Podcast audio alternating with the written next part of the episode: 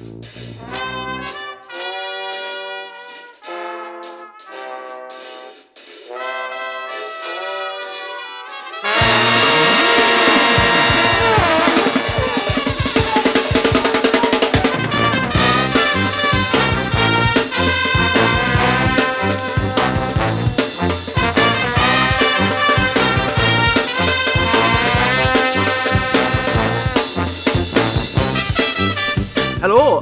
chroeso i benod 20 o Ysbeidiau Heilog gyda fi Llywyd Owen.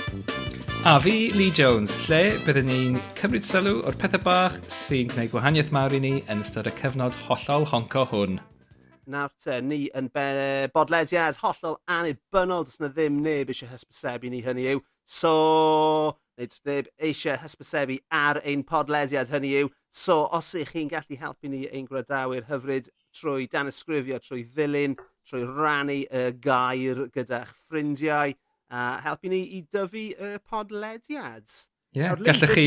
Gyda... Wel, jyst mynd i ddweud, gallech chi gadael adolygiad ar, uh, ar iTunes hefyd. Dwi wedi gweld bod pobl wedi gwneud hynny'n barod. Uh, rhai pobl rhy honest, four stars, come on, be ydych chi'n neud? Uh, Bach yn rhy honest, dwi'n meddwl. Ond gymrau hwnna. Um, Gallwn fod yn wath Ie, yeah, ie, wel ie, yeah, gallwn ni fod yn, yn fwy onest na hynny, ond ie, uh, yeah, diolch yn fawr i'r uh, pobl parchus sydd yn uh, helpu ni allan. Uh, so ie, yeah, yr wythnos yma, wel, fel mae gwrandawyr uh, arferol ni'n gwybod, dyn ni'n mynd bob yn ail wythnos gyda gwestai ac heb gwestai, ond yr wythnos yma mae gennym ni gwestai llwyd. Wel, uh, felly, beth sy'n digwydd? Wel, achos ar ddiwedd penod 18, uh, nes di Lee gyflwyno hanes Ernest Shackleton a'i daith heriol i begon y de rhyw ganrif yn ôl i ni. Um, ac ar ddiwedd y sgwrs, nes i sôn fy mod i'n adnabod rhywun oedd wedi byw yn yr Antarctic am flwyddyn, a dyna lle ni'n mynd i gychwyn y benod yma trwy groesawu Dr Lowry Bowen i'r pod. So, croeso mawr i ti, Lowry, um, am ddod heno i, i gadw cwmni i ni, achos ti'n o'n i ddim yn gweud celwydd, a dwi yn, dwi yn, ti'n dwi'n eitha ddrwg enwog am raffu celwyddau a siarad bollocks, ond o'n i actually yn adnabod rhywun sydd wedi byw yn yr Antarctic, a ti hwnna. Nawr, ti a fi yn mynd nôl, wel, ni wedi adnabod ein gilydd ers y groff, basically, achos mae'n rhieni ni yn ffrindiau mawr. Um, a, ie, yeah, a ni'r un oedran, ni'r un flwyddyn uh, ysgol, um, jyst bod ti'n lot mwy brainy na fi, a ti uh, yn anes, an, an, Beth yw anistatist yn Gymraeg, gwedwch? Wyt ti'n gwybod, Lowry? Anistetroig? Na ni, mm. perffaith. Ti'n un o'r reina yn, uh, yn ysbyty y wain. Um, ond yn 2005, nes di fynd i'r Antarctic am flwyddyn a o'n i jyst eisiau pigo dy frains di, really. So beth, so, be, be, nes, be nath i ti feddwl bod hwnna'n syniad da i ddechrau? Um, Wel, um, wel diolch am wahodd fi i gynta i gyd. Um, so, wel, well, nes i byth eriod meddwl mynd i'r Antarctic, i, i fo'n hollol onest. O'n i'n i gweithio fel doctor yn um, Casnewydd ar y pryd, a um, oedd, oedd, oedd lle cymunol gyda ni, a um, fyna o'n i, o'n i dod i ddiwedd y um, ymarfer fel llawfeddyg fel mae'n digwydd, a o'n, on, on i chwilio am rhywbeth arall i wneud, a ni weddol set ar mynd i Nepal a gweud y gwir, A um, yn, yn, y lle cymunol yma, nes i, nes i weid o'r ffrind, o, fi'n fi, n, fi bwriadu mynd um, i edrych am swydd yn, yn Nepal. A wedodd hi, o, fi wedi gweld y gwefan arbennig ma, edrych, edrych ar hwn, mae i bobl i fynd i deithio a gweithio. So, wrth, an, uh, wrth bod hi'n mynd, a hi'n neud cwpaned o de, fi'n meddwl, a, a mlaen a fi i'r cyfrifiadur, a erbyn bod hi wedi dod nôl, y peth cyntaf ddath lan, oedd y swydd ma.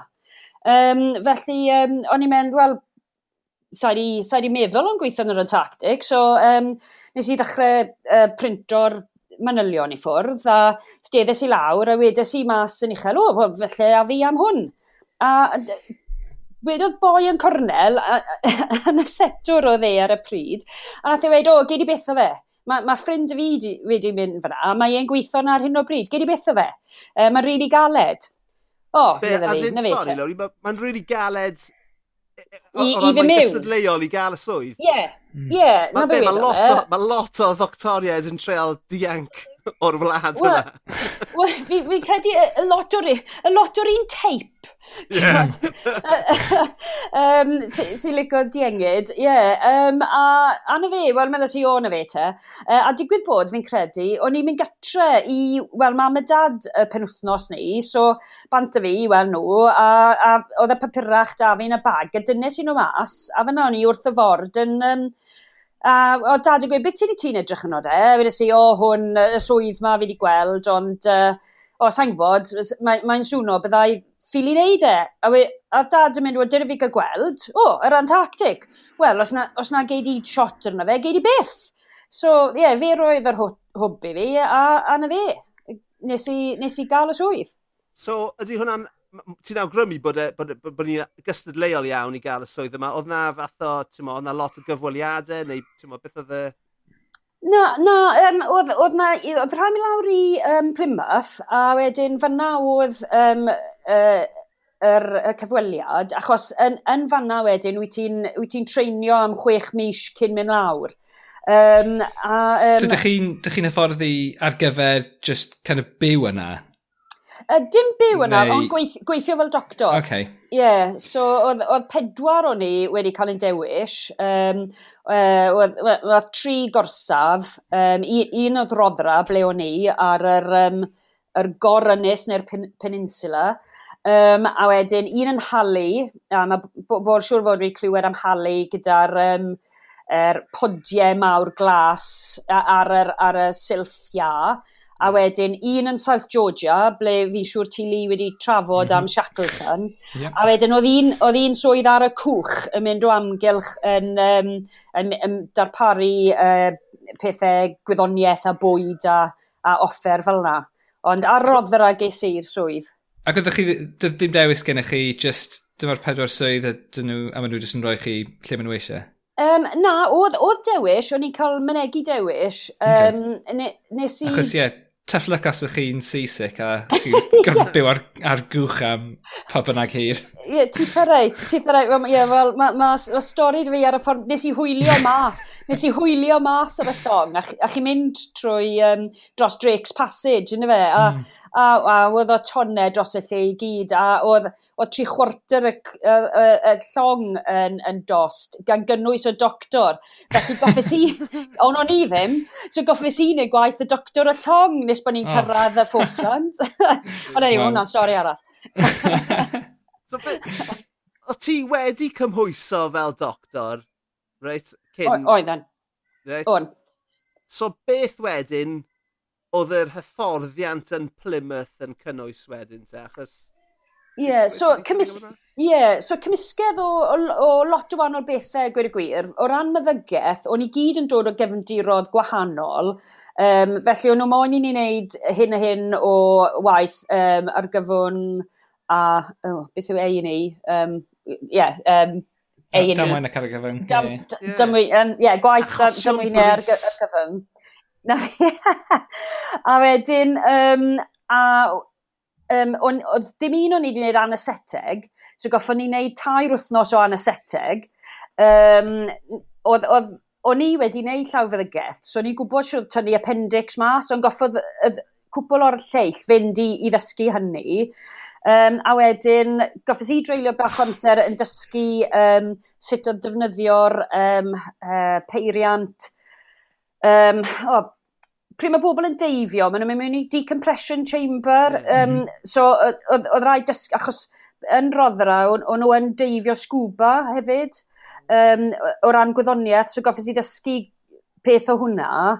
Um, a wedyn pethau, byddech chi beth yn meddwl am fel um, uh, un, well, unrhyw beth fel edrych yn clustau bobl, um, crôn, achos, on, on, on, a gweud y gwir, o'n i, on i ddoctor popeth tra bod ni'n a, um, o GP a ysbyty. Yeah. So, gan i fynd nôl, rhywbeth jyst di taro fi fanna. So, wrth i ti hyfforddi fel llawfeddig, ti'n dysgu sut i cymryd appendix rhywun allan.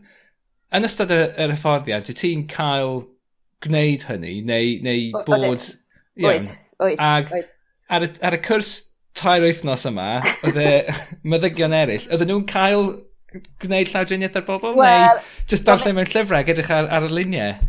Na, o'n nhw'n cael bod mewn yn y llawdriniaeth a helpu. Um, okay. So, ond on tro cyntaf iddyn nhw gorfod wneud yeah. efallai oedd, ti'n modd, yng nghanol yeah. Antarctic. Oh my god, yeah. a bwysau. Yeah. A, a, a, a roi'r anesete, Green Pryd, cofia. Oh, Ond, wow. hefyd, Lowry, ti'n cynnwys fel, ti'n rhywbeth fel deintydda? So, gwed bod rhywun yn cael danydd tos, oedd rhaid ti... Oedd Sym dentist yn roth. Na, wel ti...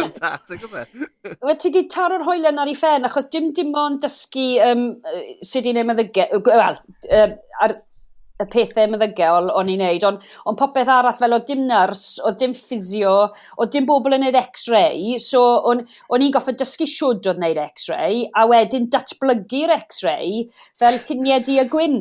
Um, a gweud y gwir, oedd, oedd, oedd sawl un o'n i'n defnyddio hwnna fel hobi ta beth, um, tra bod ni lawr na, ond gyda cymegion a, yn, yn ystafell um, dywyll a wedyn hongan y lan. Um, so oedd um, cyn fath o delweddau digidol a stwff fel hyn, dydde? Ie, ie, ie.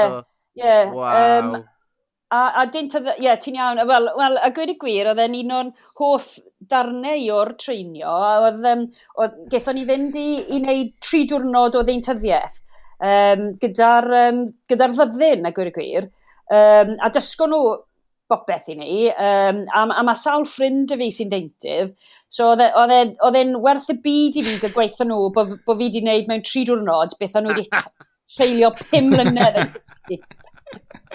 Amazing. Ond, ond, on wedyn, ti'n gwybod beth, um, yr, yr, y, y peth mwyaf caled goffes i wneud dros y geia, oedd tynnu dant rhywun allan. Oh. Oedd, oedd, oedd deintydd yn lawr yn yr antact, ie. Yeah.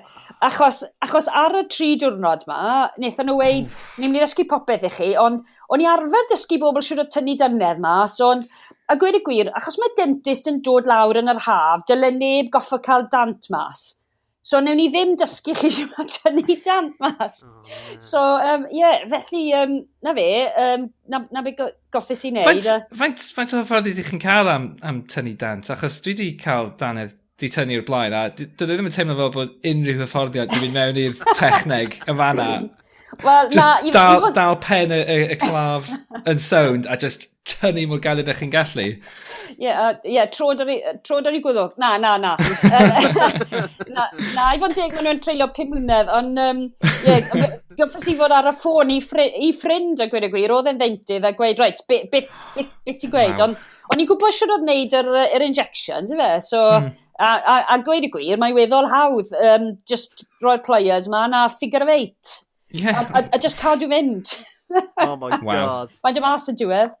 Diolch i chi. So, oedd chwech mis o hyfforddiant. Ie, yeah, ie. Yeah. A wedyn, o ti ar dy ffordd. A no, ti'n gallu gweithio ni am y, y daith, achos wrth gwrs oedd Lee yn siarad am Shackleton. Nath i cymryd... Ydw i'n iawn i feddwl bod wedi cymryd rhyw 5 mis iddyn nhw i gyrraedd. Ti'n bod, hyd yn oed yeah. fath o... Ti'n bod, De America, ie, ie, ie. De America. So, yeah. so beth yw'r... Sio daith gys di lawr uh, i'r pegon y de?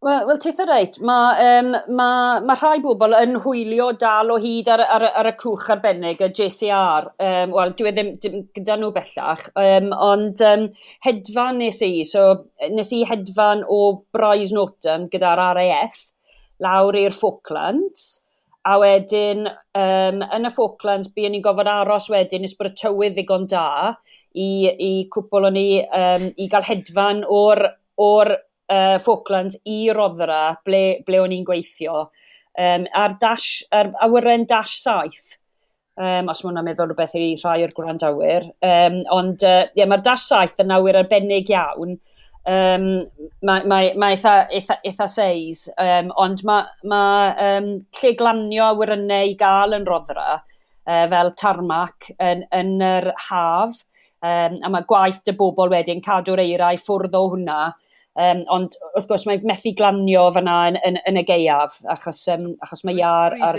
Ti? Pa, pa, pa fus So fe si yn, yn mis tachwedd, um, a, a, a oedd e'n oedd e'n siwrne, oedd, oedd rhaid i ni i lanio yn um, Ascension Island, y gweud y gwir, cyn, cyn um, hedfan draw wedyn i'r um, Falklands. Um, a fi credu o'n i wedi cwmpo gysgys dinas i lan, a sa'i wedi gweld rwle fel ni. E- oedd, e fel glanio ar y lleiad sy'n, um, ti'n bod, sy'n bach fel besos, falle fyna, fyna a dde a Branson, pe wir. Um, ond, ie, um, yeah, fe'n teimlo bod fi'n glanio ar y lleiad, a wedyn newid y wyren wedyn i fynd i'r Falkland. Ond mis tachwedd o e, achos glanio ni ar y Gwener, a dries i bobman i ffindio gêm Cymru, Zeland Newydd ar y Disadwn. A mae mwy, ma mwy o dyfarndau yn y Falkland na gredu di fyth, ond mwy na si yn gyfyrddin. Ond, o na, oedd neb yn dangos y match. Dwi'n cofio, dwi'n cofio gêm yni, o'n i yn Aberystwyth i wylio hynny. Yeah. Bach haws bach yn haws dod o'r teledu dangos yn Aberystwyth, fi'n meddwl. Wel, well, well, well, gweud y gwir, na'r unig lle riod i fi fod ble ti'n cerdded mewn i tafar neu tu rhywun, a mae ma llun o Mrs Thatcher lan y wald yn nhw. Bo, bo, bach. Ie, yeah, e, honest, oedd e fel byd gwahanol. Byd gwahanol. Wel, ie. Yeah. Well. Chwarae teg, dwi'n deall. Ie, dwi'n deall. O, nes di, adael y Falklands yn digon cyflym, te. Wel, ti'n gweud na, na bys i ar y Falklands, dwi'n bim diwrnod, oedd y tywydd yn digon da, so, um, o ti'n codi, oedd hwn yn, yn digwydd o hyd yn yr Antarctic, oedd rhaid cael beth o'n nhw galw the weather window, a ti'n dysgu wedd o gloi yw, um, y, y, y motto yw, uh, hasta yn barod i aros. Um, a bydde ti'n codi bob bore, wedi paco'r y fag, eistedd lawr i frecwast a gryndo wedyn am y tywydd. Um, a'r peth arall am y Falklands dros y radio, yn yr o'r tywydd i ti, a reit o diwedd wedyn, yn yr o'r wind chill, um, a sôn am pa mor wael yw e i'r defed, ti'n bod? Uh, mm. sydd wedi cael ei... Oh, GM. Yeah. So, um, ond, ond mae digon i wneud, ti'n bod, gerddon mm. ni, gerddon ni lan uh, gweld hanes um, o, oh, iechyd fi di angofio nawr, Mount um, Tumbledown, efe? Tumbledown yw e? Um, uh, Oedd rai o'r... Ie. Um, Ie. Ie, yn cedi mai Tumbledown. Um, oedd, wel, ble oedd rhai o'r um, wmladd wedi bod dros y Falkland, Um, ond mae hefyd penguins i gael dyn nhw mas yn y Falklands, felly um, oedd hwnna'n exciting iawn i weld penguins hmm. gwyllt. Um, a maen nhw'n rhai Magellanic yw'r rhain, achos maen nhw'n byw yn y ddeiar fel, ddol, tyma bach, fel, fel puffins mewn ffordd, um, mewn byrros bach. Um, a, hmm. a ti'n troi rownd a ti'n gweld penguin a difed, so oedd e, e'n um, yeah, le bach i planet. Just fel bai Colwyn. Yeah. Ond wedyn, na ni, na ni, um, yeah, head, yn diwedd, gaethon ni hedfan wedyn lawr, um, a ni, a ni ddigon lwcus, um, wedodd un o'r pilots, wel, ti moyn, ni'n ni, ni cyrraedd, wel, cyn bod fi'n cyrraedd na, wrth gwrs, erbyn bod ni'n cyrraedd yn bach yn agosach i'r Antarctic, oedd e'n exciting iawn, edrych mas o ffenest, a gweld yr um, mynyddodd iâ, Um, ma, fi siŵr dyna sy'n byddu cant y mil o lynnau o specs bach gwyn um, yn, yn y môr. Fe? Um, a wedyn, wrth bod ni'n cyrraedd wedyn tuag at uh, uh, glanio, wedodd un o'r peilot, o, oh, ti moyn eistedd lan yn y jump seat. So ges i eistedd wedyn yn y set ganol rhwng y ddoi peilot wedyn wrth bod ni'n glanio. A um, oedd heinen o, o um, gwmylau llwyd i gael. So, eithon ni, o'n i'n gweld y byd Um, a wedyn, eithon ni lawr trwy hwn, a peth nesaf, neidio mas wedyn, oedd, wel, môr, um, a, wel, wel oedd, oedd môr a gwyn, achos oedd, oedd y môr wedi rhewi, y streipen fi ma, ble o'n i'n gallu gweld ble oedd, oedd, oedd, o'n i'n mynd i lanio, a wedyn, i'r chwith o hwnna wedyn, adeiladau, um, o, a wrth gwrs, nes i wybod wedyn fyna, o'n i'n mynd i fod yn byw, um, yn dyfa, a, a glanio fyna, so oedd e eitha, eitha odd o beth i suddenly, um, yeah, i, uh, i weld yn dod uh, a meddwl, o, o, beth fi wedi gwneud nawr. Dim troi nôl. Dim cwestiwn nesaf. Ydw ti'n gallu cofio, ti'n bod, yr emosiynau a just y ffordd ti'n teimlo ar gyrraedd yna, achos o ti di, o ti di, fi'n cymryd bod ti di um, ymrwymo am flwyddyn i aros yna, do?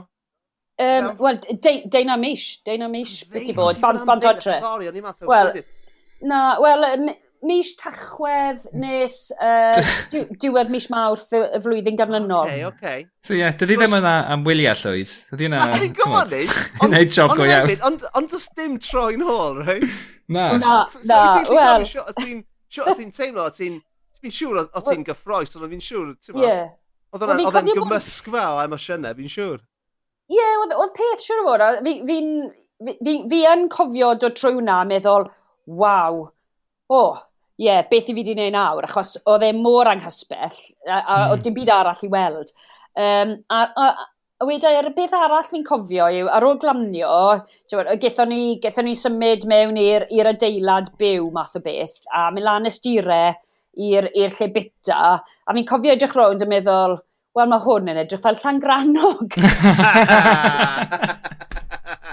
Brilliant, ie. Yeah. Yna'r ddoi beth... Oedd yr un arogol yna hefyd ac Llangrannog. Mm. Wel, yr un fordydd.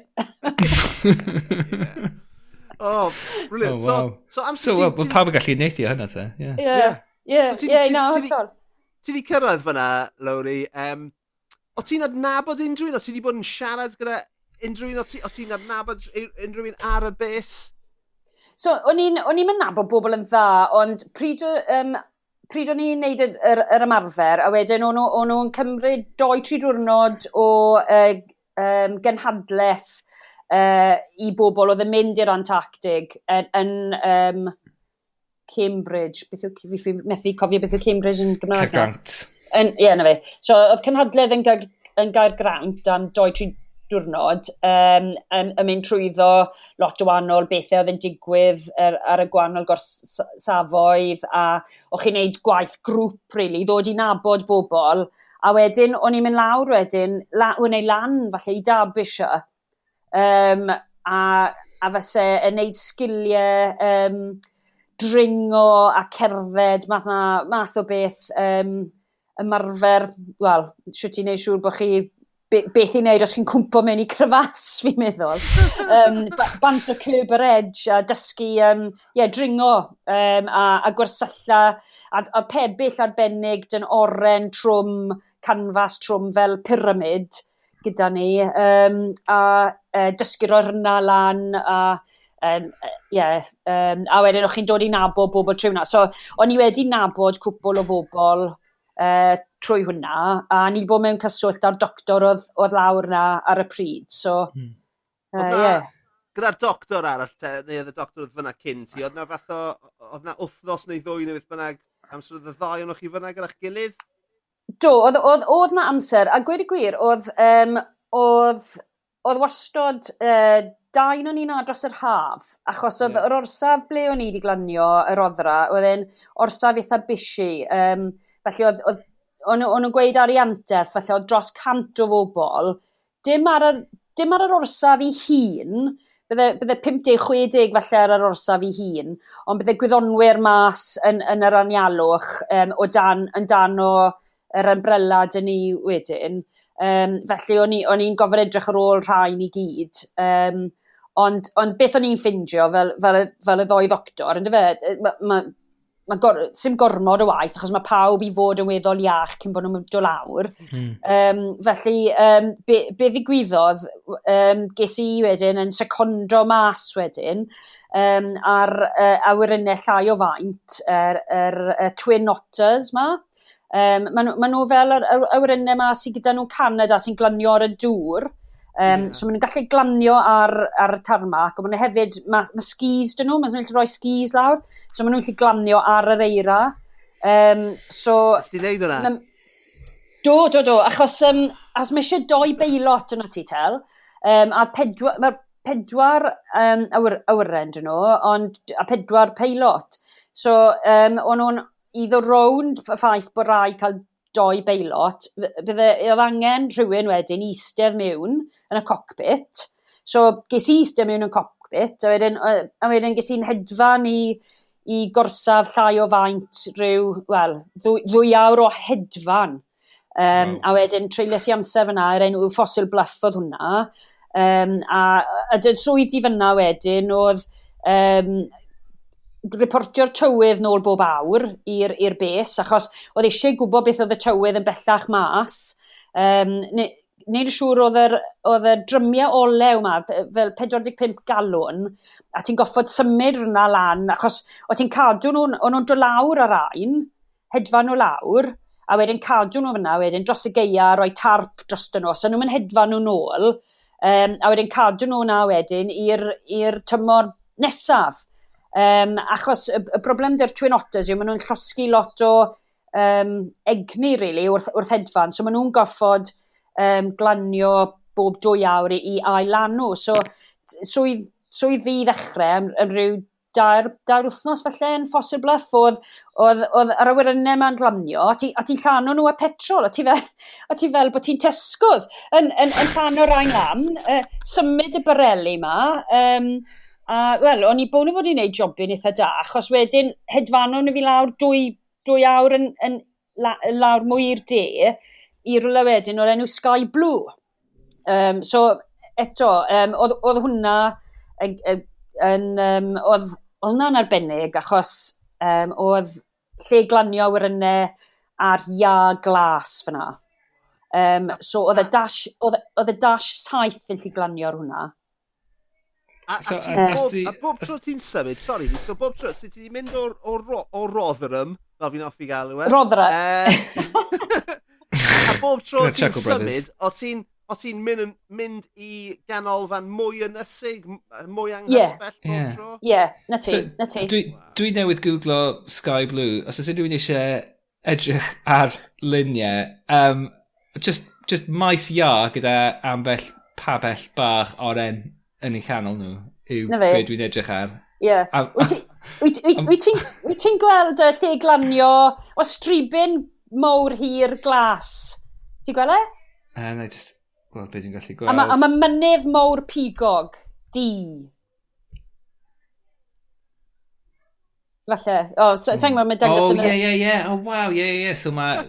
lle mae'n ma glanio, mae just... Ie, yeah, mae just... Uh, mae fel...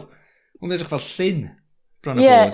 Wel, na ti, wel, ie, yeah, achos um, y ia wedi rhewi yw e. Ie, ie, ie. So'r so swydd fyna yw, yw ti'n cadw'r eira bant o hwnna, so mae'r awyren fwy o faint i chi lando fyna ar, ar olwynion.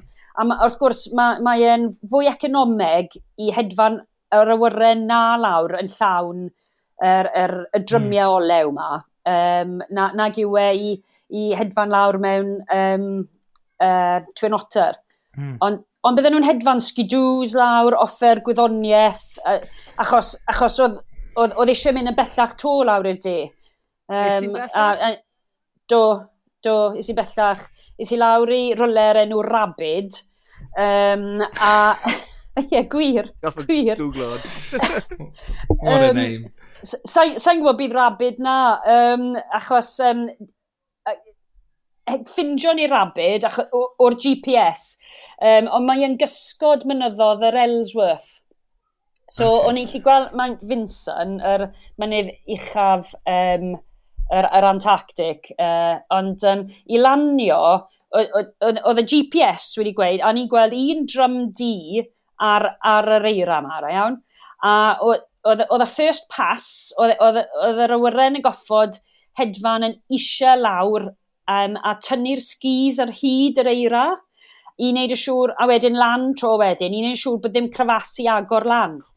Um, a wedyn, a wedyn glanio'r yr ail dro, tel. Um, a wedyn oedd, oedd pedwar o'n i, ie, yeah, oedd pedwar o'n i fyna, a wedyn roi'r pebyll lan, a wedyn y, y swydd y swydd oedd da ni, oedd ble oedd y drym di ma, oedd palu lawr. Achos um, o dan y drum di na, oedd hwnna'r polyn uchel. Um, ond o dan hwnna oedd, oedd yr, um, yr olew i'r awyrynau, ond hefyd yr offer gwyddoniaeth a nhw'n cadw fe na dros y gia wedi tarpo lan.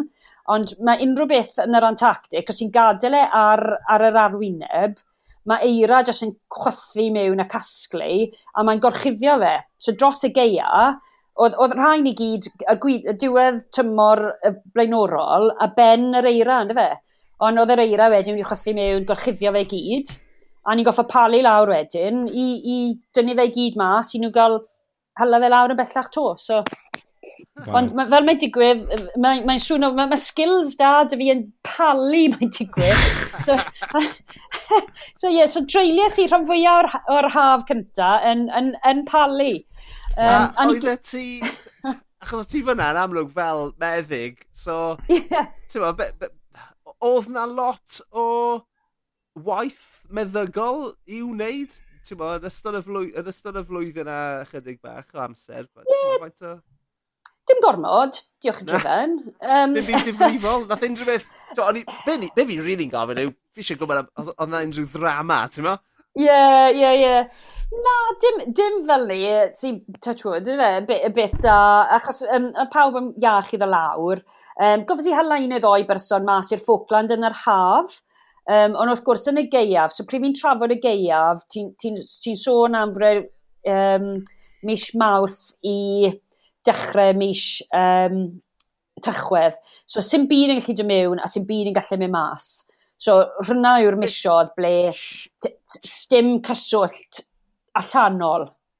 So, Wethon ni, na, na, ni na, am yr, am, am yr, on, am y tywydd, pa fath o, beth oedd, beth oedd y tywydd fel yn ystod y geiaf lan. Ni gyd yn, ni gyd yn, yn, yn, yn pen, e, ni gyd yn gweld um, eira gwyn a awyr las, ond beth oedd reality yeah. yn, yn y geiaf? Ie, yeah, so o, um, yn, yn y geiaf, o, o doi beth, o ti'n colli'r golau, So oedd e'n ddi am rhan fwyaf o'r dydd, falle bydden ni, achos o'n i i'r mwy i'r gogledd, a, um, o'n i falle'n cael awr, dim o hael, ond falle llai di, os mae hwnna'n neud sens. Oedd e'n fwy llwyd. Um, um, yeah. A wedyn, ti'n modd, oedd y tywydd, oedd e'n o'r, um, beth o ti arfer wneud? O ti'n ti codi edrych mas trwy ffinest, a os o ti'n lli gweld ti'n y, y windsock, y gwir gwir, hyd yn oed yn yr haf. Os ydych chi'n gweld y windsock, oedd hwnna mas ar 90 gradd, o ti'n gwybod o ti'n mewn am mi, achos oedd y gwynt a wedyn, oedd e'n chwythu'r eira, ti'n modd, um, pina bod e'n bwrw eira neu byd o, achos oedd e'n bwrw eira yn aml iawn, um, mm. mae jyst yn chwythu bob man. Um, a Ie, yeah, yeah, so... Achos, achos ie, yeah, anialwch yw i, so ie, yeah, dwi ddim, yeah. Yn, dwi ddim yn bwrw no, eira, just, just, ie, ie, ie. Um, so, a gwir y gwir, na beth oedd geia, uh, gwynt, uh, eiran chwythu a, a tywyllwch. Um, ond gweud ni... Yeah. Sorry, cari ymlaen, cari ymlaen. Ond i jyst yn mynd i ofyn i ti, siwt o ti wedyn yn ymdopi? As mae hwnna'n swnio'n fel effeth, right? Mae hwnna'n swnio'n awful. So, siwt o ti'n ymdopi gyda hynny? A beth o ti'n... Ti'n beth o ti'n gallu neud e, i gadw dy iechyd meddwl di yn yn, yn iachus a ti'n mo? Ie, yeah, wel, um, mae'n mae, mae beth odd, yn dwi e? Um, mae ma, ma, ma bobl yn sôn am e-, SAD, yn fe, Seasonal Affective Disorder, Um, a, a mae, mae e'n beth, fi'n siŵr, um, oedd rai bobl yn defnyddio'r er, um, beth yw'r boxes gole na, llacha na. Mhm. O'n i ffili godden, o'n i ffili godden nhw. Um, ond ond ges, i, ges i erioed problem yn codi bore. So, um, oedd doen i drin o'n i, bydden ni, bydden ni lan cyn pawb arall. Um, a oedd hwnna'n ba bad move, a gweud y gwirth y ti, achos y broblem, y broblem oedd, os y ti lan cyn pawb, o ti'n agor y drws, achos oedd, o'n i'n cysgu mewn stafellodd, oedd, e, on, honestly, oedd e fel, fel llangranog, oedd bloc cysgu ar wahân i ble o ti'n bita, ti'n a, a gweithio. So ti'n goffo croesi gwed, o, oh, ugen llath um, o, e, i gyrraedd e, le, le o ti'n gael brecwast. Um, so, os o ti'n o'r cyntaf lan, o ti'n agor y drws trwchus ma, a o ti'n goffo wneud yn slo fach, achos o, o, os o ti'n agor y rigloi, oedd yr eira wedi chwythu dros nos yn cwmpo mewn arno ti, um, a os o ti'n digon bod, slow yn agor e, bydde ti'n lli falle nofio lan a mas trwy top, ond oedd wastod, oedd, oedd wastod rhaw ochr y drws, neu bydde ti'n goffa palu dy ffordd mas, a wedyn, yr, bod, yr etiquette oedd wedyn, o ti'n palu, palu uh, styrau wedyn i pawb arall wedyn, dy lan. Ond y fe, so, oedd cwpl yn ni, na beth o'n i'n neud y bore, a, a wedyn, ond bydde rhai'n eistedd lawr ochr arall y stafell wedyn yn edrych mewn i'r boxes golau yma. Um, ond, um, a, a bydden ni'n cael wedyn, oedd rŵtîn yn bwysig iawn. Um, so, oedd oriau gwaith dyn ni, um, a bydde ti falle'n gweithio am awr a hanner, dwy awr, a wedyn bydde, bydde um, amser, amser do mewn a eistedd lawr a pawb yn cael disiad o de neu cacen neu rhywbeth, a wedyn gweithio nes amser, amser cynno a, ac yn y blaen. So oedd rŵtîn yn bwysig, Um, ond o'n i hefyd yn trefnu um, diwrnodau ble byddwn ni'n neud pethau, yn wedi dros y gia. Um, bydde, bydde movie night gyda ni. Um, Wylio the thing. Yeah. Ie, ie, wel, pob math o fe. Pob marw e fe fe, mae rhaid i weid. A, a gweud y gwir, ar ôl dyn ôl o'r Antarctic, oedd ddim rhaid i fynd i'r cinema am, am, am, am rhyw chwech mis, achos oedd rhai o'r bobl na'n glefer iawn yn, yn, yn cael gafel a pethau cyn, cyn bod nhw wedi dod mas yn cinema. Um, oh, wow. so, yeah. Um, a beth arall, o, o jigsaws, oedd delight a lot o'n i'n neud jigsaws mas na, oedd llyfrau diri, um, oedd, oedd, oedd, oedd ystafell cerdd oedd gyda drymiau a uh, o'n i'm yn gerddorol iawn, oedd, oedd lot yn, yn neud math na beth. Um, bydde ni, bydde bobl â sgiliau gwahanol yn dysgu gwahanol bethau fel cyfrifiadur, sy'n ma'n neud hwn a llall ar gyfrifiadur, oedd rhai o'r boi, oedd rhai o boes lawr na, oedd yn, oedd yn uh, gallu neud pethau fel dringo yn dysgu ni, sy'n ma'n neud gwahanol um, nots a pethau fel a, a, a falle bydde rhywun wedi dod â sleid, o, dyma beth nes i ar yngwyliau yn Thailand, neu... just, just sort of, um, yeah, um, quizzes, a, a wedyn bob disadwn, haf a gia oedd, oedd, oedd hwnna, oedd disadwn yn, oedd, oedd hanner diwrnod, a wedyn oedd, oedd prynawn off, a o'ch chi'n gael neud ymarfer corff, o, oh, gym i gael efyd, um, oedd, oedd ymarfer corff, Ond wedyn yn y nos, oedd, oedd, oedd rhaid i gwisgo lan, dim, dim fel Dicky Bow, ond neu bach mwy ymdrech nag, nag arfer. A wedyn oedd, oedd tri cwrs, a wedyn oedd pawb yn y bar, a oedd e fysyn... Noson lawen? Ie, yeah, wel! Wel, oedd hi yn lawen. so gweithio fi, oce, okay, so, ti yeah. jyst wedi crybwyll um, three course meal bach teidi fyna yn uh, Llangrana yeah, yeah. yn yr Arctic. Um, yeah. So, be, be, be, Oedd na chef, da chi? Oedd na, na rhywun yn fyna i goginio? Oedd chi ddim yn goffi wneud hwnna eich hunan hefyd? Na, na. Um, oedd chef dyn ni, um, wel, yr holl amser, yn yr haf o doi chef. So, y chef ni, enw fe oedd Rít, oedd e o wlad Belg, A, a dde'n ddiddorol, achos oedd e wedi bod yn gweithio gyda'r Cirque du Soleil am flwyddyn cyn, cyn i feddwl lawr i'r... Um, so, nath e wneud, nath e wneud um, dangos fideos o um, e, e amser e yn y Cirque du Soleil. Ond, ie, yeah, na oedd reit... Oedd e'n performiwr? Um, oedd e'n performio? Na, oedd e ddim. E, cogi. Okay. Change your career. Ie, nath ni fel yr un peth wedyn, lleid. Na, ond... Um, bod, oedd e, nhw'n gwneud popeth o scratch. Um, a, a wedyn, yn, yn yr ail haf, dath Cyril. Oedd Cyril o Ffrainc. A oedd, um, oedd, oedd gyferbyniad arbennig fyna, achos oedd Rít yn, yn coginio'n weddol iachus, achos hw, hwnna'n un broblem oedd bobl yn cael dros gia fel arfer, yn, yn, um, achos o'n nhw bita a ddim ymarfer lot, achos oedd e'n mm.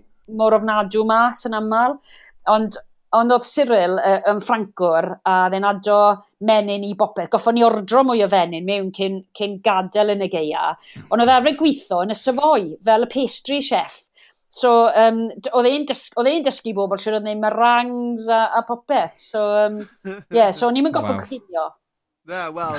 Mae'n ma, ma, ma anodd i ddialu ac unrhyw un sy'n gwrando fi meddwl i gael bod, darlun clir o'r mm. profiad, achos...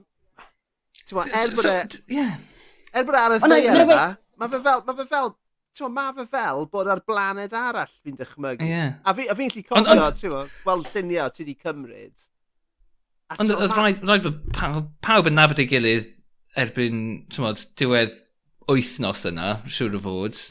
Wel, um, ti'n ti gweud na, um, yeah, oedd criw weddol sefydlog, so oedd, oedd criw sefydlog na oedd wedi hala'r amser dros y geiaf, so fel, fel fi'n gweud, oedd un ar hmm. ugen, mm. falle, um, hanner o'n nhw wyddonwyr, a wedyn yr hanner arall yn, yn gymorthwyol. So, o'n i'n gymorthwyol. Mm. Bydde, bydde, pl oedd plymyd dy ti, oedd swydd, swydd um, oedd e'n bwysig achos o'n nhw'n cymryd dŵr y môr, uh, a roi y trwy'r peiriannau i wneud yn ddŵr bod ni'n gallu mm. ifed, ti'n modd? Um, hmm. oedd, oedd tri mecanic, doi, doi yn edrych ar ôl y skidoos a'r peiriannau mowr, a un, un yn edrych ar ôl y generator, achos, ti'n modd, wel, dim just y hmm. generator, oedd tri generator, achos, ti'n modd, un o'r, neu tyrnad i torri lawr dros geia, bydde ddim trydan, bydde ddim, bydde ddim gres, Um, oedd, oedd Sar, oedd Sparky, um, oedd, ie, yeah, Cogydd. Um, so, oedd fe'n lot oedd, mwy na just... Coms. Uh, ti'n meddwl am... Oedd e fel pentre bach mewn ffordd. Mm. Yeah. Oedd e fel, oedd e fel rhyw fath o heirarchaeth, chymod, fel y gwyddonwyr, uh, yn kind of fel un dosbarth cymdeithasol a wedyn pobl yn gweinyddu o gwmpas nhw neu oedd yn teimlo mwy kind of fel bwch chi gyd yn efo'ch gilydd? Na, oedd e, oedd e, oedd e, um, so erioed wedi gweithio mewn rolau uh, sy a elfen mor fflat o ran yr mm. hierarchy fel ti'n gweud. Um, oedd na hierarchy o ran, os y ti'n cyrraedd na nawr fel fi, ti'n modd yn, yn mis tachwedd, oedd bobl oedd i hala'r geia na, Mod, o'n nhw mm. nhw oedd y top dogs, yna fe. Mm. Mod, on, a rhai bobl wedi bod na dwy fynedd tel. So, ti'n bod o'n nhw'n teimlo fe bod ti'n dod mewn i tŷ rhywun, ynddo fe? Yeah, yeah, yeah. Um, a, wedyn, a, a wedyn yn yr haf, ti'n bod, bydde gymaint o bobl mewn y mas, oedd mm. e'n, um, achos bydden nhw'n glanio, felly doi tri diwrnod a wedyn hedfan lawr i'r anialwch. Um, ti'n bod, oedd e'n, wel, gair Saesneg, ond transitory iawn. Mm. Um, ond, ond oedd y ffordd oedd y bwyd, ma, lle bwyd wedi y lan, bwrdydd hir, hir, hir, ti'n modd, a ti'n eistedd lawr, a pwy a wir pwy oedd yn eistedd dros nesa ti, a bydde ti'n siarad â'r person yma dros nesa, a wedyn oedd rhywun yn gweithio, ti'n gwybod pwy hwnna? O'n i fel, na, sy'n syniad fi. Na fe, fe ffindiodd y twll yn yr heinen yn y, yn yr, ti'n modd, yn yr, yn yr, yn yr, yn yr, yn trafod, trafod beth, o'n i bod yn trafod y fe. Um, ond, na, na, pa mor, na pa mor ti'n modd, amazing oedd y hmm. bobl, mm. y gwyddonwyr ma. O'n nhw ar top yr, yr, ei byd nhw, um, a ti'n modd, oedd rai yn, yn boffins clefer iawn, ond oedd rhan fwyaf nhw, achos maen nhw'n ma nhw treulio tri mis mas yn yr mm. anialwch mewn pabell gyda doi neu dri berson arall yn helpu nhw, Um, um, so, so, so sim, sim amser dyn nhw i, i fod yn, ti'n modd, as and graces, yeah. maen ma nhw'n pitio mewn. Llwyd, os oedd y ti wedi darganfod y twll yn yr ozone, yeah. bys y ti erioed yn gallu cwrdd ag unrhyw un a peidio dweud taw ti nath ffeindio fe o fewn 5 munud? Na, no way. A bys ni hefyd yn chatio ar pawb sy'n defnyddio antiperspirant uh, spray on yna.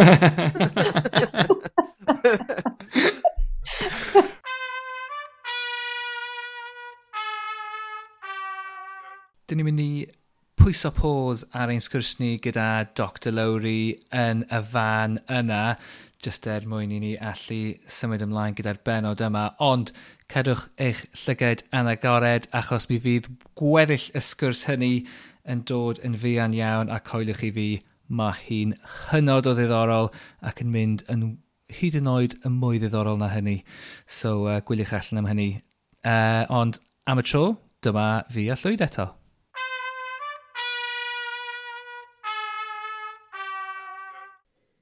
Wel, Lee, siwt yn y byd, i ni yn mynd i ddilyn intro mor wych uh, honna, sa'n gwybod. Ond mae rhaid ni dreial, achos uh, dyna pam ni fan hyn. So, beth sydd wedi bod yn neud ti'n hapus yr wythnos yma?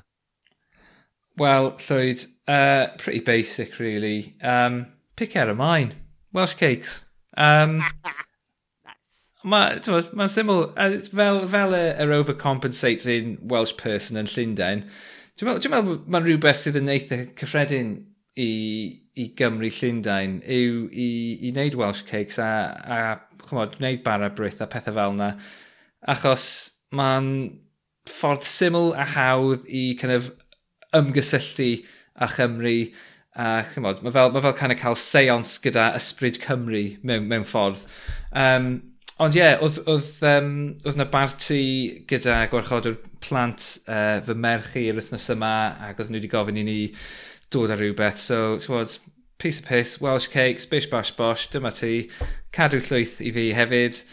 Ac ie, uh, yeah, so dwi wedi bod yn bwyta Welsh cakes a mae nhw wedi yn pethau bach hyfryd i gael efo paned yn y bore. So ie, uh, yeah, Welsh cakes i fi. So wyt ti yn uh, neud fatha classics gyda cwrens, neu wyt ti'n neud rhoi fancy gyda siocled, neu beth ti'n neud? Na, o oh, ie, yeah, oh, na, dwi yn total purist. Um, Wel, o'n i bai, wel, achos, achos mae Naomi fy nghanid, mae hi'n lyseuwr, so, neu lyseuwraig, um, o, oh, dyn ni angen siarad am uh, pa mor sexist i'r iaith Gymraeg rhywbryd hefyd. Uh, anyway, dy hi ddim yn bwyta cig. Uh, ond mae'r ryseit traddodiadol yn galw am lard neu, uh, yeah. neu short neu, neu pethau fel yna yn dywi. So um, dwi just yn rhoi uh, menyn i mewn yn lle hwnna. So menyn a menyn yn lle menyn a lard. Um, so dwi ddim cweit mor traddodiadol o hynny, ond dwi, dwi ddim yn gallu sylwi Oes unrhyw wahaniaeth. Oes i gyda lard. Wel, dyna'r thing, ti'n modd, just... Mae'n just yn mingin. Lle ti'n ti prynu lars dyddi yma? Yr unig, oh, unig, yn unig le... Wel, yr unig le dwi'n gwybod lle i ffeindio fe yw yn fridge fy mam. A dwi'n byth i gweld e, byth i gweld e mewn siop. Just yr unig le mae'n bodoli, uh, wel, bellid a, a dwi'n uh, gwybod yw yn fridge fy mam. So, ie. Yeah. Na, mae'n absolutely mingin. Ond, um, yeah, dwi'n fan mawr o picer y maen hefyd. Mae yna ma siop yn Bai Cyrdydd sydd, sydd literally just yn gwerthu nhw na gyd, ti'n nath rhywun cael uh, fath o syniad, neu dod lan ar cysyniad am siop fel cael epiphany. Like, fi'n gwybod, fi'n gwybod, fi'n mynd i agor siop ti jyst yn gwerthu Welsh cakes. Oh, it'll never work. Bollocks. Mae yna cyw ti ar yeah. siop yna trwy'r dydd. oh my god, ti'n gallu dychmygu'r markup ti'n gallu neud ar hynny. Oh, Mae fe'n... Syniad mor... Bys ni'n gallu gwneud hynna. Bys ni, ddim, bys ni byth yn agor bwyty na, na unrhyw beth arall, neu, neu siop bobydd, neu unrhyw beth i wneud efo bwyd. Ond, os o'n i wedi cael y syniad hynny, bys y gen i'r hyder i dweud, ie, yeah, ti'n gwybod beth, dwi'n mynd i agor Welsh Cake Shop. Just Fucking un easy. Un peth ar y fwydlen, yeah. and that's it. Uh, on, gyda, honestly, gyda tri cynnwys. Just yn treol meddwl, fi'n meddwl bod nhw'n gwerthu deg am 5 pint, so maen nhw'n 50 ceiniog yr un. What? Fi'n fi meddwl taw 10 am 5 pint yno. Fi'n meddwl taw e. Fi'n meddwl. Oh, yeah. Wow. Ond falle, falle bod fi'n anghywir, cos fi'n anghywir yn aml, ond ie, yeah, fi bron yn siŵr taw 10 am 5 pint yno. A ie, yeah, dwi, dwi, dwi ef yn heili methu cerdded heibio'r siop heb prynu o leia 10. Wel dyna'r thing, ti'n os, os dwi'n dwi mynd ar dren, ti'n gwybod, dwi wastad, wastad yn prynu picnic am y tren, mynd mewn i Marks and Spencers neu Sainsbury's neu byd bynnag, a pob tro, os oes yna picyn y maen yna, compulsory purchase, mae rhaid i chi, rhaid i chi brynu nhw. Wastad tan y castell. O, oh, pethefnos yn ôl, nes i, nes i eri heibio uh, ffatri tan y castell. Oh my god, oedd e fel, oedd e fel mynd i meca. O'n i ddim disgwyl gweld e chwaith, o'n i just mynd trwy lôn ma yng nghanol nunlle, wedyn ar ochr y ffordd, dyma ni, ac yn fel, oh my god, dyma lle maen nhw dod o. Ti stopio? Na. O'n i, on i ar, on i ar uh, tight, uh, tight schedule on. Bloody hell. O'n i'n o'n i'n amazed. O'n i, wir, o'n i'n starstruck. Dwi'n bod yn starstruck gan adeilad ffem o'r blaen, ond dyma ni. yeah. neis iawn. So ie, yeah, pice ar y maen. Lovely, lovely. lovely. So beth amdano ti, Llwyd? Uh, ti wedi bod yn... Well, be... Dwi'n pleser gan beth? Wel, fi, wedi cael, ti'n mae lot o bethau wedi gwneud fi'n hapus yr wythnos yma i fod, ond fi wedi bod lawr i ddyfnaint am y, am y penwthnos i aros gyda ffrindiau, a es i i nudist beach, so o'n i, on i yn mynd i uh, ddewis 70s bushes, a beth sy'n ei wneud, a yna lot o 70s bushes ar y troeth yma, uh, a weles i gwpl o... Shout out Lisa! cwpl o, cwpl o gochiau reit teidi hefyd, ti'n bo? Um, a, ond na, dim nath i dewis. Wedyn ni'n i ddewis um, ffilms y Safety Brothers.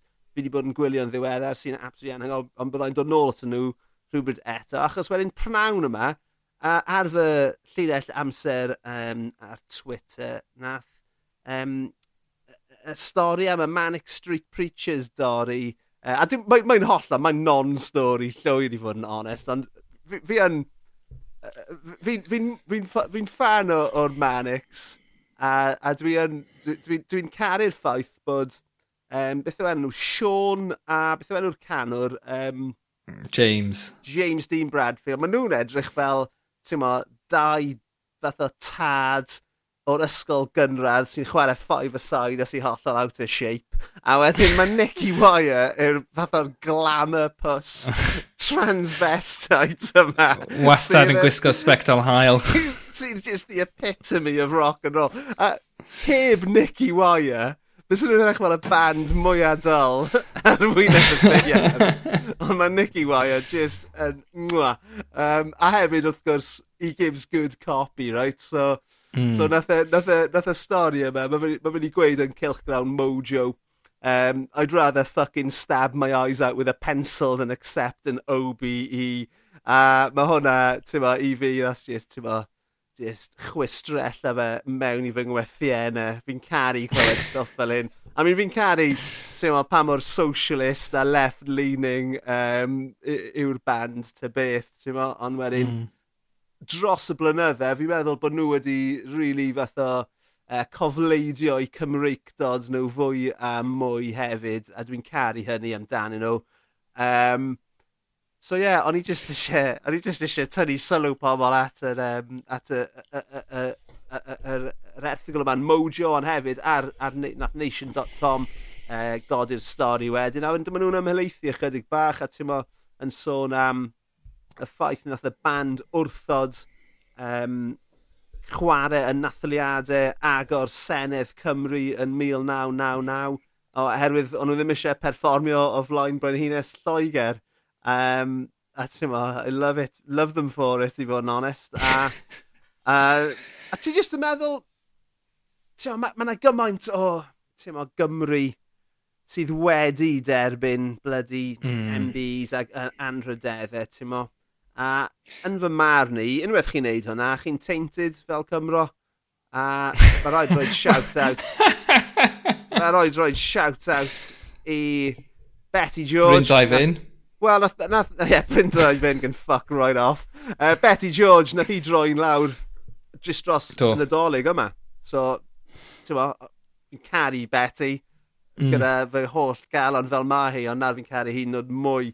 Um, Howell Gwynfrin wedi troi lawr Carwyn James, uh, hyffordd y rygbi sydd wedi troi lawr, sy'n rhyfeddol, really, achos mae yna loads o rygby hmm. buggers, mm. maen nhw'n caru signo coc y uh, uh, uh, uh, brenhiniaeth. um, shout out i Jonathan Jiffy Davis, Nigel Owens, Annie Wynne Jones, Ryan Jones, Gareth Thomas, ymysg nifer o rai eraill. Um, a ti'n meddwl, ni'n caru... y Just off top to bendy. Yeah, yeah man, ni'n caru'r stori am Michael Sheen, wrth gwrs, nath ddychwelyd yeah. ei MB ar ôl cael ei radicaleiddio yn hanes a gwleidyddiaeth Cymru gan Leanne Wood. So, mm -hmm. Cari Leanne Wood, hyd yn oed fwy fyth, eto. a ni gyd, ti'n ma, mae yna gymaint o, oh, ti'n ma, chi jyst, chi jyst yn teimlo'n really siomedig mewn pobl. Chris Coleman, siomedig. Geraint Thomas, siomedig. Ceris Matthews, siomedig. Eva, well, hey. Griffith Jones, siomedig tu hwnt. A yeah, mae jyst yn, ma jyst yn gadw blas cas yn y ceg i fi. Wel, ti'n gwybod be? Oedd Cerys Matthews, oedd ganddi hi Cerys Matthews MBE, dyna oedd ei enw hi ar Twitter. Ie, yeah, fi'n gwybod. Am, am flynyddoedd, ond... Yeah. Dros y misoedd diwetha, mae hi wedi cymryd hwnna allan o'i enw hi ar Twitter. Mae hi wedi, dwi'n meddwl fod hi wedi ail ystyried y peth, a ail ystyried beth mae'n ei olygu. Um, dwi'n dwi meddwl o gwmpas yr amser nath, nath y stori o Michael Sheen um, ddod allan, nath, nath hynna ddigwyd, dwi'n meddwl. Ond ie, yeah, mae yna, ie, yeah, falle gawn ni, gawn ni ofyn iddi Cerys, ti'n gwrando? Falle wir. Ti'n mae, mae, e, mae, e, yeah, mae just yn, I don't know, yn, yn bersonol dwi ddim eisiau ffoc all i wneud gyda'r Ymerodraeth Brydeinig. Sa eisiau ffoc all i wneud gyda, gyda Prydain fel cysyniad. Um, mae e uh, ar, ar, farw gobeithio. Um, a ti'n mo, sa'n gwybod. Byswn ni... Bys... Beth, go on. Bo, bys ni jyst yn caru enwebu ti ar gyfer MBE. Just fel bod ti jyst yn gandrill dros y peth. Ond e, fyswn ni... Fyswn ni... Fyswn ni eisiau gweld... Fyswn ni eisiau bod yna pan ti'n cael y llythyr yn y pols. Bydd rhaid i fi fod yna jyst i weld yna. O, oh, fyswn ni'n môr a mynydd o wrthod yna. Ti'n mo, os y peth yw, right, just, just ychydig bach o waith ymchwil i, i, i sylweddoli beth mae Prydain a Prydeindod yn meddwl o gwmpas y byd. Mm. A, a hefyd, fel Cymru, beth, beth mae wedi wneud i ni fel gwlad. Ti'n mae wedi gwladychu ni i gymaint o, ti'n i, i, i, i raddau heleth. A mae jyst yn neud i fi deimlo'n rili really anghyfforddus. A mae clywed rhywun fel Nicky Wire yn gweud hwnna a neud fi yn hapus iawn. A mm. mae'r ma, ma manics Gwrandewch ar ei lyrics nhw. Mae fe'n llawn gwirionedd. Mae nhw'n llawn mm. gwirionedd. A Nicky Wire sy'n ysgrifennu'r lyrics uh, i gyd. Um, mm. Mae Sean a James Dean Bradfield yn ysgrifennu, nhw sy'n ysgrifennu gerddoriaeth a Nicky sy'n ysgrifennu uh, geiriau. A mae fe mm. yn llawn propaganda comunyddol. a wrth gwrs, mae rhaid i ni gofio Uh, fi'n meddwl taw Generation Terrace un o'i albums cyntaf nhw, oedd yna gan o'r enw Repeat, a y git gan oedd Repeat After Me, Fuck Queen and Country. So ie, yeah, geiriau i fyw ac i farw wrtho. So, um, ti, uh, ti erioed di cael dy wahodd i'r orsedd? Dorsedd y beirdd? Ie. Yeah. Na. Be fydd ti'n neud? Ti'n ti aros am y galwad? yeah, definitely, man. I mean, Christ, mae hwnna'n hwnna, hwnna, hwnna rhan o, o, o diwylliant Cymru, ynddo fe? Mae hwnna'n rhywbeth dwi yn yeah. gefnogol o. Ond ie, ond sim, sim neb wedi gweld fi eto. Dwi'n dwi'n beth sy'n rhaid i fi ffucking neud i fod honest, man. Wel, pryd, pryd fydd steddfod nôl yng Nghaerdydd, dyna, dyna pryd bydd, ti'n modd, does dim esgus pryd hynny, nag oes, siwr o fod. O'n i bai beth ti'n... O'n i bai beth ti'n ffucio pethau fyny. Cael yng nghanslo. Gobeithio ddim, gobeithio ddim, ond ie, uh, yeah, na, twa, mae hwnna'n, twa, mae hwnna, fi'n gwybod, mae ma, ma fe yn debyg o, o ran urddo a anrydeddu pobl, ond ti'n mo, ond ond os ych chi'n cael eich anrydeddu fel rhan o'r orsedd, chi'n chi, chi, chi, mae hwnna'n golygu bod chi'n neud rhywbeth cadarnhaol o Blaid Cymru, right? So, hmm. ie, mm. yeah, fi, fi, fi, fi, fi, that's what I'm all about, bro. Ie, yeah, chwarae teg. Ie, yeah, dwi'n meddwl, jyst mynd nôl at, um, ti'n bod, uh, anrhydeddau Prydeinig. Yeah, dwi'n meddwl, i fod yn, i, i simuleiddio'r holl beth, os, hyd yn oed os ydych chi'n anwybyddu uh, kind of y cysyniad ag ystyr ymerodraethol yr holl beth, a chymod, be mae hynny'n olygu tramor, mae...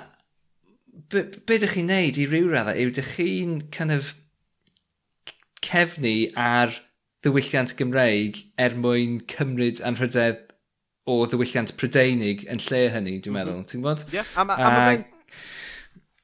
Mae yna ma, ma hierarchiaeth yn dod, yn does wedyn. Mae Prydein dod sy'n dod yn, yn gyntaf o flaen y Cymreig dod. A, a, hynny yw beth sy'n rhaid gyntaf. So mae yna reswm, right, bod yna gymaint o rugger burgers uh, yn MBs ac yn OBs neu beth bynnag, right? A'r reswm yw hwnna, yw achos yn rygbi ym Mhrydain, e, uh, mae y, y tîm y llewod, mae'r tîm y llewod um, mae ma, ma chwaraewyr ar gêm yn gyffredinol yn gweld hynny fel y pinnacle eich gyrfa chi mm. yn hytrach na cynrychiol eich gwlad.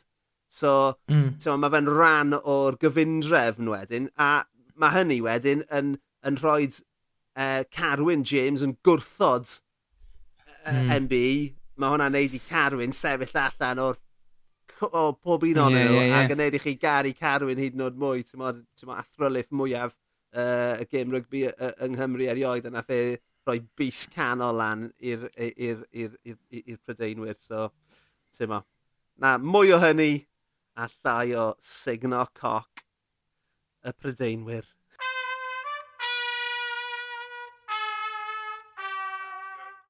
Ar y nodyn Sir Felys hynny, uh, mae'n amser i ni fynd o yma. So, cyn i ni fynd, beth sy'n rhaid i ni dweud, Llwyd?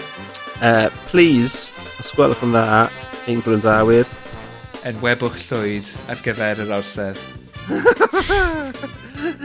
At ysbeidiau hei pod, dilynwch ni, uh, rannwch ni, os ydych chi yn gweld ni yn y stryd, peidiwch wedi siarad gyda ni.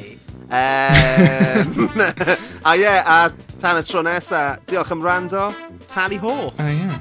ta-ta!